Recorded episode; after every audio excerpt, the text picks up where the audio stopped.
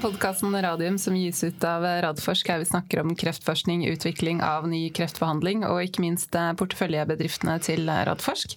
Vi er kommet til episode 247 som heter eh, Photocure. Det er blitt 3. november og klokken er 14. Velkommen Jonas Einarsson. Takk skal du ha, Elisabeth. Alt bra?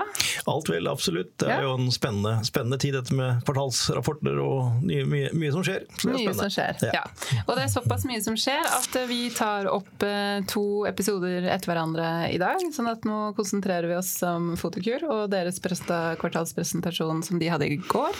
Og så tar vi de andre nyhetene igjen en episode som vi tar opp eh, etter at vi har snakket med dem. Utmerket. Ja. Da har vi en plan. Ingen sa det var en god plan, men vi har en plan. Uh, then it's really nice to uh, welcome Dan Schneider, uh, President and CEO of Photocure. How are you, Dan? I'm doing well. Thank you very much. Glad to be here. Glad to be here. Uh, glad that you have been able to join us. It's been a while. Yeah. Yeah. yeah. Mm, good to have My you with us again. Yeah. and why aren't you in our studio? Now you can travel, can't you? Eric won't let me come to the country anymore. He doesn't like me. he has banned you from yeah. Norway? Oh my. And a warm welcome to you as well, Eric Dahlner, CFO in Photocure. Thank you. Mm -hmm. Thank you. You're also welcome in the studio, you know. Yeah, but it's too far away, you know. I'm, I'm from the other That's a good one. And also a warm welcome to Jeffrey Coy, General Manager of North America. N nice to meet you virtually.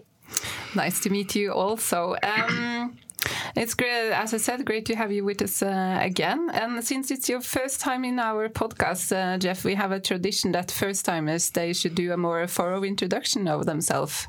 Sure. Sure, um, we'd be glad to. So, I um, I've been with the organization now three years um, as general manager for North America. Uh, prior to that, includes 25 years of experience in the life sciences industry.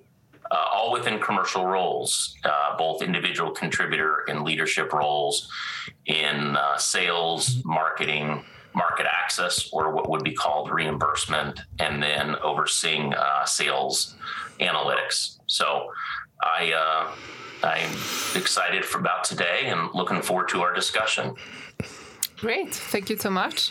Um, so yesterday you had uh, your Q3 presentation, and you presented uh, quite uplifting results for the third quarter, Dan and Eric. Um, and, th and, then I briefly talked to Jonas straight after your presentation, and he uh, he summed up there, that uh, there had been two major uh, breaking news in in the presentation. Um, firstly, the Medicare re reimbursement, and secondly, the citizens petition. And then, would it be possible for you to uh, go a bit more thorough through these uh, two incidents and also explain the the impact and the consequences for uh, Photocure as a company. Yeah, sure, happy to. So, I'll take the CMS. Uh, uh, um, announcement first. Uh, this is the reimbursement uh, by the U.S. government on Medicare patients.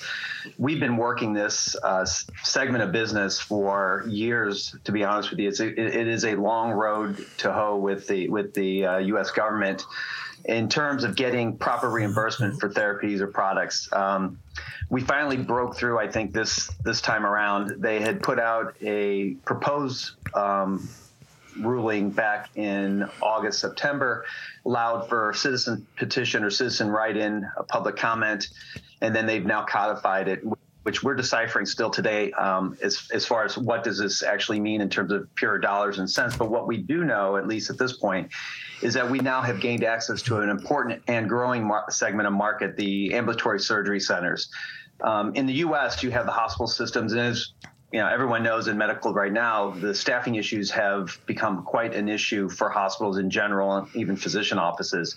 That has caused a pressure on operating room uh, access and time. And that has then obviously trickled down to patients seeking care, physicians finding um, you know uh, places of care to treat their patients. The ambulatory surgery center is a natural place for these TURBTs and well surveillance, I should say, surveillance procedures to take place. However, because of the reimbursement, the way it was set up in the U.S., there was no economic reason. So while physicians believed clinically this makes a big difference. Um, the the economics were not there, and, and therefore uh, the product was not being used. Uh, our, our you know, blue light cystoscopy wasn't being done in the ASC setting.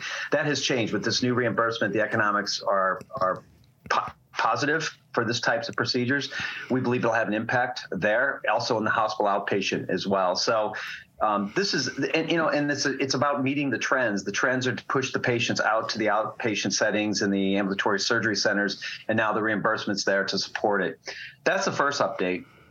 Um, the second one uh, is the um, down classification, uh, the citizens petition that Karl Storz has has filed for. So for years we've been working and talking to Karl Storz around the subject of down classification. If you remember back to like 2015 or so, the U.S. government put out a list of products, and blue light cystoscopy endoscopes were on that list of of devices they would consider to downclass. And downclass is important because right now the product is a class three in the US. We only have one manufacturer. There's limitations with one manufacturer. Uh, and, you know, in Europe, we have three, the choice of any three or more if others were to enter the marketplace. Um, so this is a big, a big uh, deal for us to get additional manufacturers in the U.S.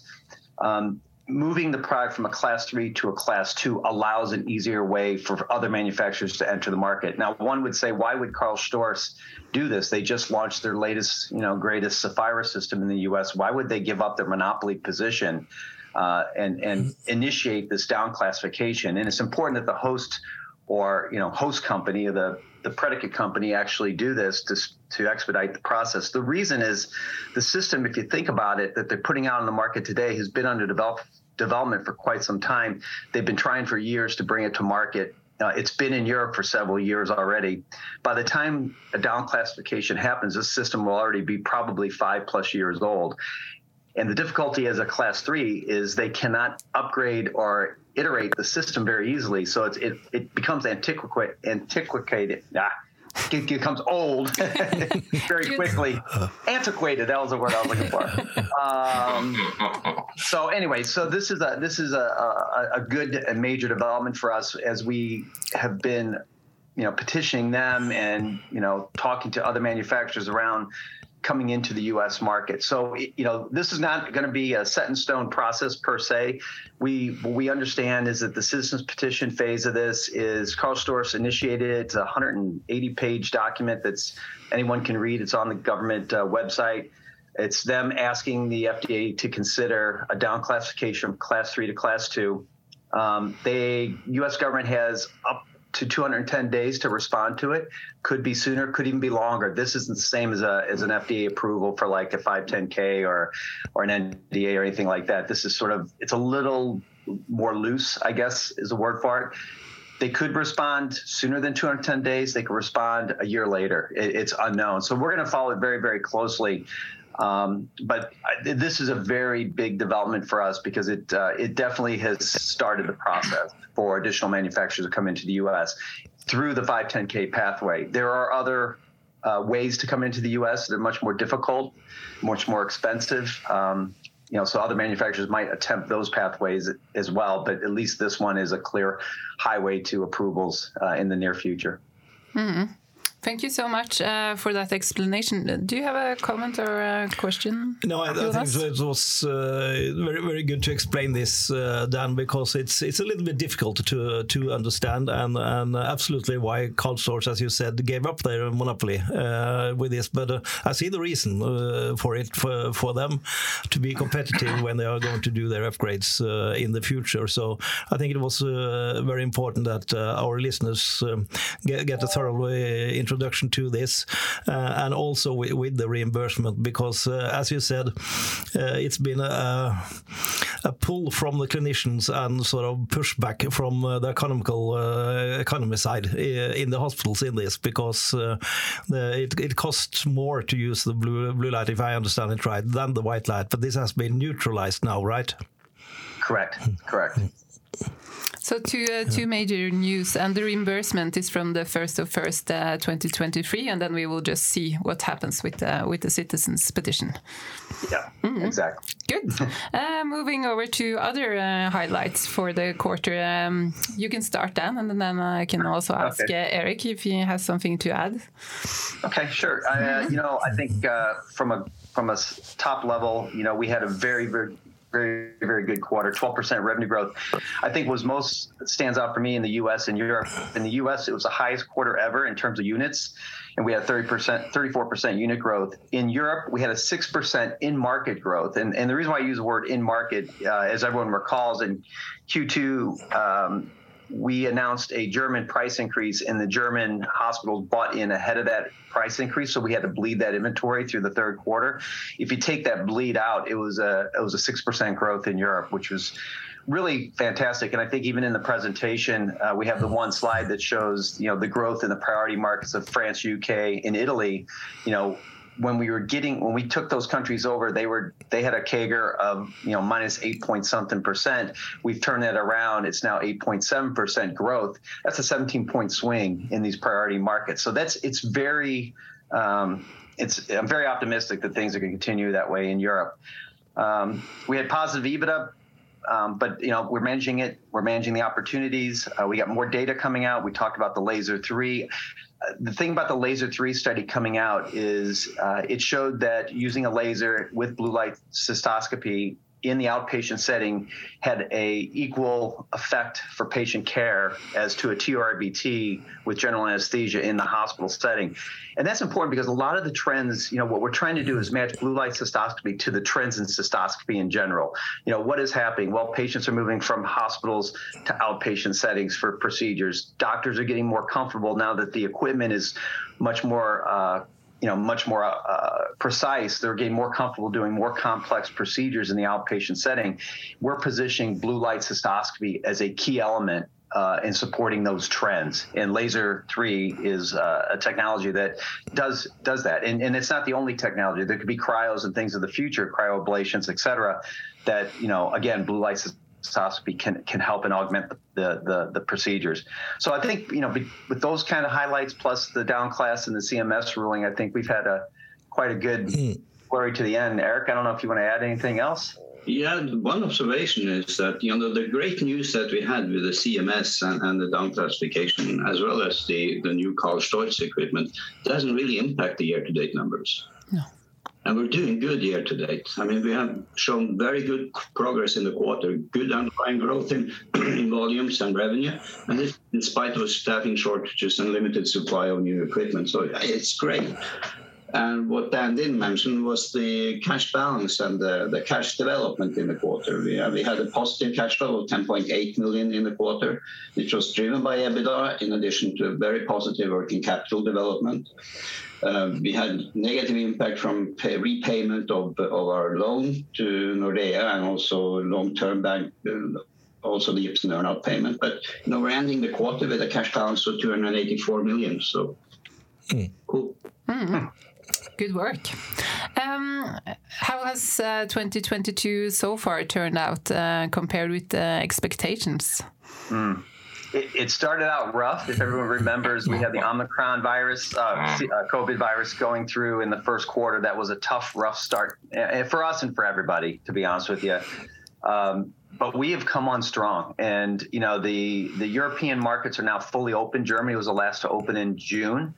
So if you think about Europe and the European developments, I mean, we've had very uh, spotty access to those accounts throughout COVID. It's From the time we took it over forward, it's it's you know been a been a, a, you know a challenge for us to get in there. We now have full access, and so I'm really excited about how this is developing and, and the momentum we're building throughout the year. And then the same you know with the U.S. as well, picking up strong, having the strongest quarter uh, in the third quarter we've ever had in our history.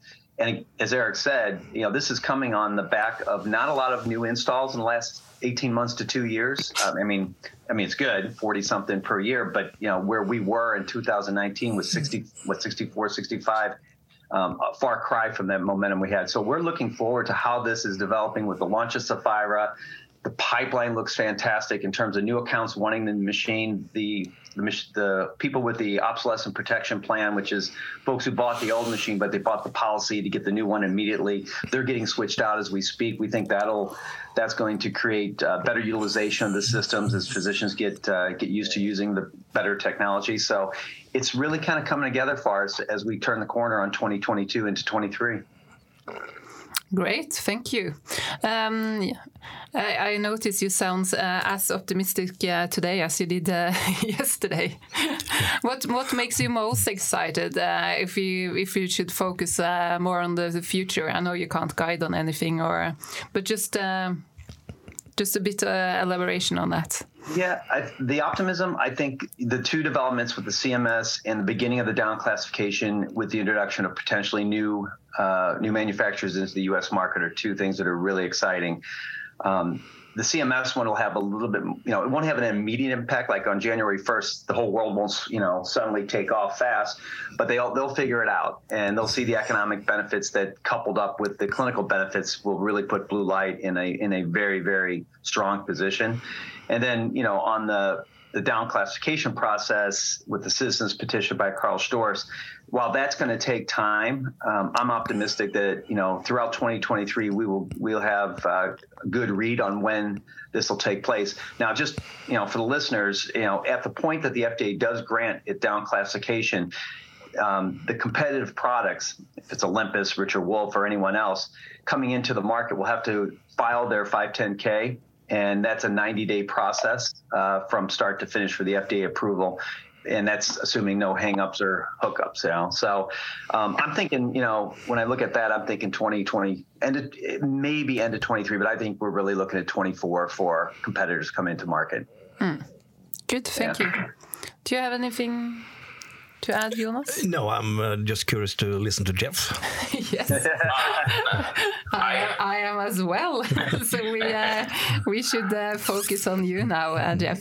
Um, my first question is uh, actually as a general manager for North America. What uh, what is your mandate and tasks and, and of course ambitions?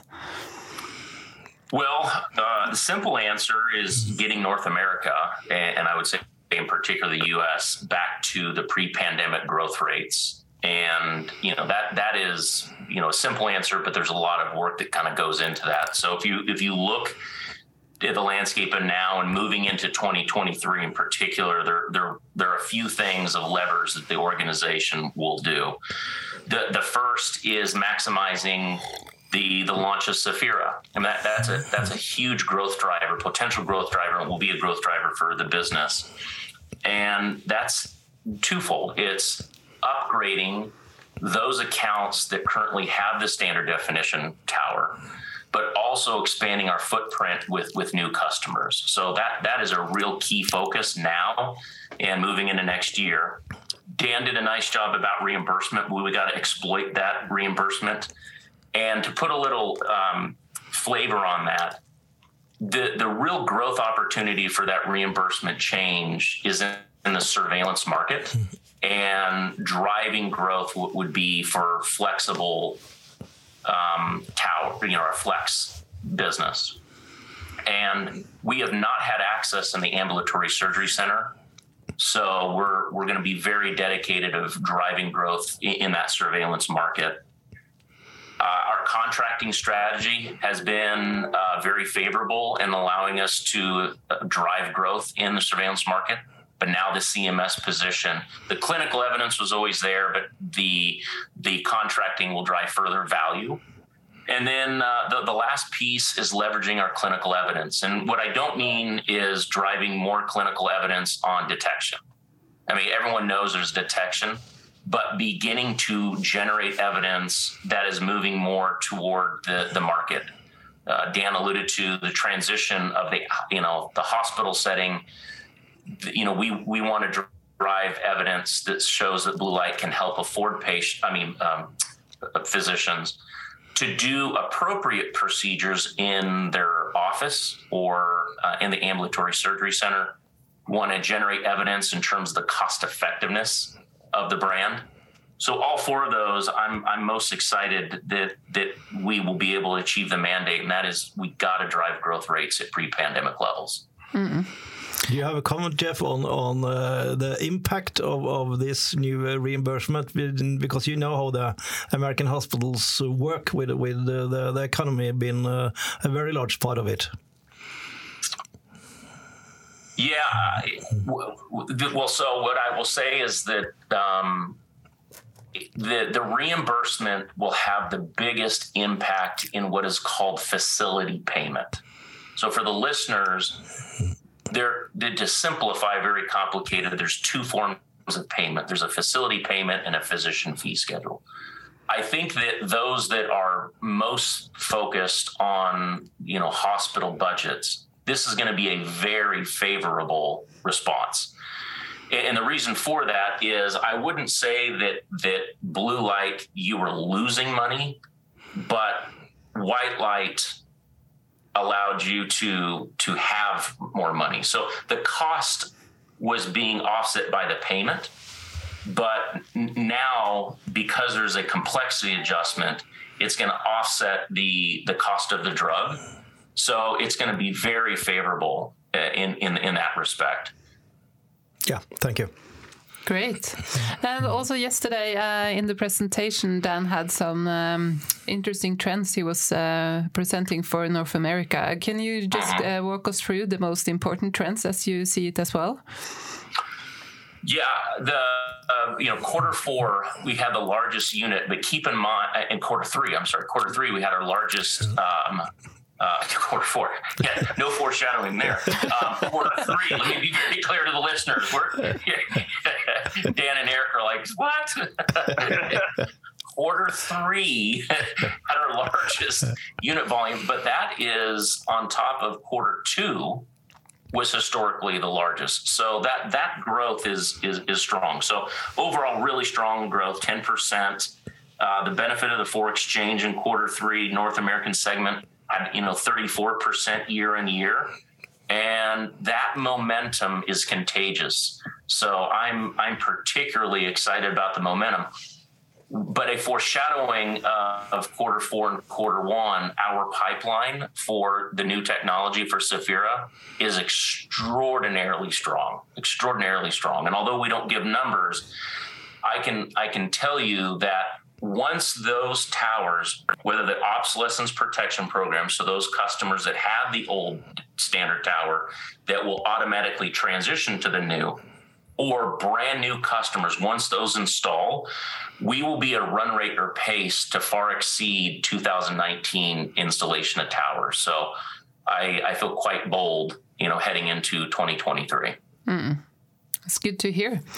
Um, uh, could you say anything more about the outlook uh, for the future? And also, um, I think yeah, Dan mentioned in a, in a brief sentence yesterday uh, Canada as well. Mm -hmm. Mm -hmm. Yeah, so Canada was, you know, the, we're we're in a building phase in terms of investment and resources um, up there. We we are very pleased with the trajectory of Canada um, the the the simple fact is you know from a reimbursement standpoint just like the united states there's some challenges as a reason as a result of provincial um, budget and funding. So we're going through that process. But from a grassroots perspective, we are, you know, we're driving the use and adoption of, of new technology in Canada. We're expanding patient adoption there. So in similar uh, in, in United States, there can be a tendency to reserve blue light for the highest risk or only patients in carcinoma in situ. So the medical and commercial team have done a very good job of leveraging the evidence so that we can have a broader capture uh, of those patients. So, although the percent to revenue is not as big as the United States, uh, I, I, will say that they remain a critical part on the growth trajectory for the North American business. Hmm. Good, thank you. Do you have mm. anything uh, else to add? Um, I, I would be remiss if I didn't at least provide some feedback to the listeners of what the providers are saying about the new technology. Mm, please do. And it, it's it's important to keep in mind the difference between North America and, and Europe. The the blue light technology is 20 plus years old, and when, when you when you're using 20 year old technology, there there's going to be um, challenges with it. And going into the the new blue light, the, the first response we're ha- having is the incredible difference of the visualization. So you're going from a standard definition to an LED. That's going to be absolutely night and day. And that the visualization modes allow that surgeon to have you know more precise and through a blue light and a white light. Um, there were challenges with the uh, light bulb, so there would be a degradation, which means there's a dimming, there's kind of a darkening. And now the LED light source, you got what thirty thousand, you know, hours.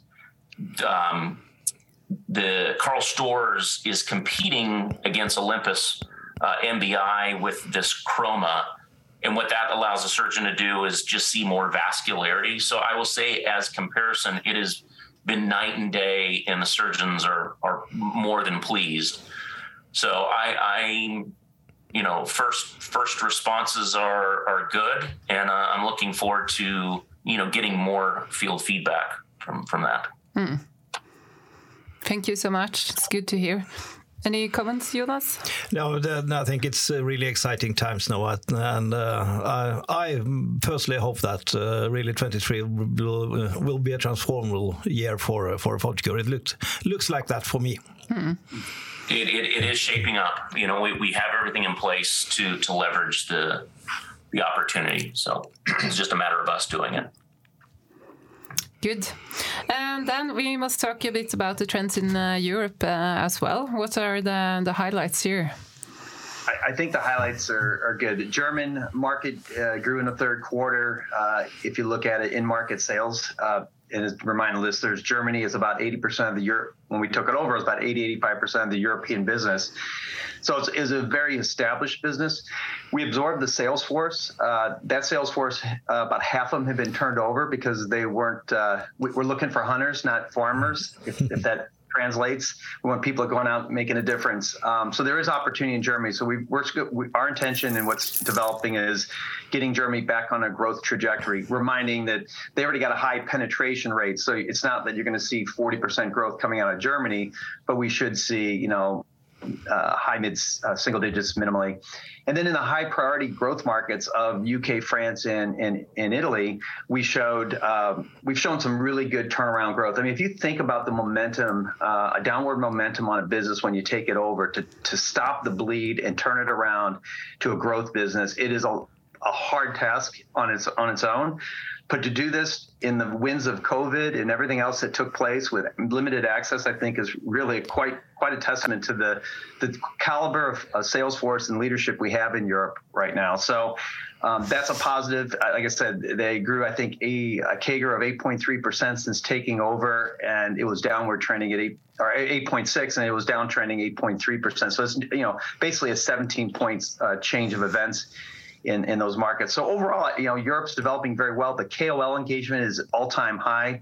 Um, they are proactively reaching out to Photocure with ideas and ways to supplement our efforts. Um, they support us in the guidelines. They defend us against all competitive uh, technologies. Uh, it's, it's really quite quite amazing.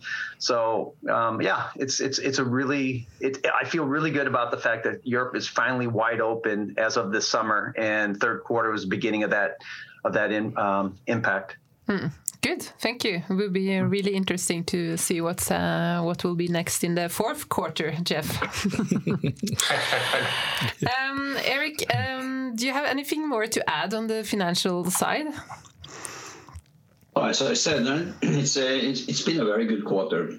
Uh, the growth has been great. I mean, total revenue was 106.8 million, so that's an increase of 22% compared to last year. And that obviously that includes the, the milestone that we received, received related to Cevira. But it also uh, is a lot of volume growth in there. There is some ex- foreign exchange impact in there, and there is an increase of average selling price in there. So, and North America doing great, 34% growth of revenue in the third quarter, 10% year-over-year growth in volume. Fantastic. European business, you know, if you adjust for the inventory situation in Germany, we have an organic growth in Europe of 6%, which is kind of... It's good, and it it's really also confirmed that we year to date have a 5% growth of in-market unit sales or volume in Europe. So it's all... I feel everything is moving in the right direction. That's a great feeling. Just uh, listen, one more question to Dan, because you mentioned it uh, about the Cevira and the series uh, a little bit in the presentation yesterday. If I heard you right, there could be some data coming out from that in February, March next year. Is that right, with um, the last patient in in August? Uh, last patient was in August, but it's a six-month follow-up, so they they won't have the data completed till February, March. Uh, you know, collecting it, and then they'll pool it mm-hmm. and analyze it and figure out what they're gonna do with it. So I'm thinking second half of next year, eh, uh, to be honest with you. And, um, you know, what what they'll do with it, I you know, what their next steps are, We'll we'll find out once they have the data. Yeah. Thanks. Mm, good. Thank you. Um, Eric. I have another question for you, because I think you got a question yesterday from from um, in the webcast uh, about guiding. And I also saw that uh, Finansavisen, Norwegian uh, white pink sheet, said that Photocure will not guide now. Can you just say a short comment on that? Uh, uh, yeah, sure. Uh, no, we're watching the world around us, and we're watching other med tech companies, how they are struggling with their guidance the last few quarters. What we hear about staffing shortages in the healthcare sector, sector due to COVID.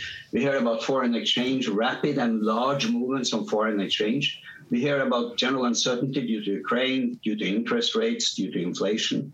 And although we are not directly hit by all of these problems, we do have a couple of problems that is really hitting our revenue, and that's staffing shortages, and it's also the foreign exchange who's moving our numbers in an unpredictable way. So, and adding to that, we're awaiting KARL STORZ to deliver new systems according to expectations. So it's kind of, it's a lot of uncertainty out there. Mm.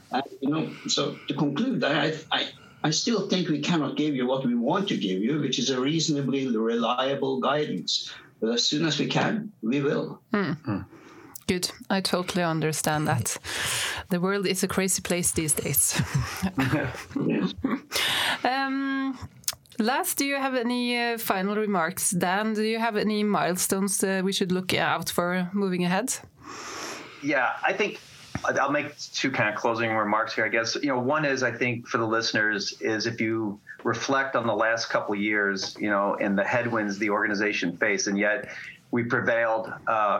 We've maintained or held on to all of our salespeople, which is very important in this in this. Uh, in this market because of the highly specialized nature of what they do. But we got to... You know, we pushed through COVID, both the virus stage of it and now the staffing stage of it. The transition of Cevira, the Karl STORZ equipment in the U.S., 18 months plus of sort of almost, you know, no movement, no effort from their part, but us still trying to push through it. The CMS, you know, challenges with reimbursement over the past several years, and then, you know, just the single manufacturer that looks like it's finally gonna break it open for the U.S., and we'll have additional manufacturers in the U.S. with Blue Light Cystoscopy, I think is really good. From a milestone perspective, going forward, you know, putting those things in our rearview mirror, you know, I think we'll continue to see sales momentum build as access continues to to open up and staffing charges will resolve. I think that'll happen through 2023.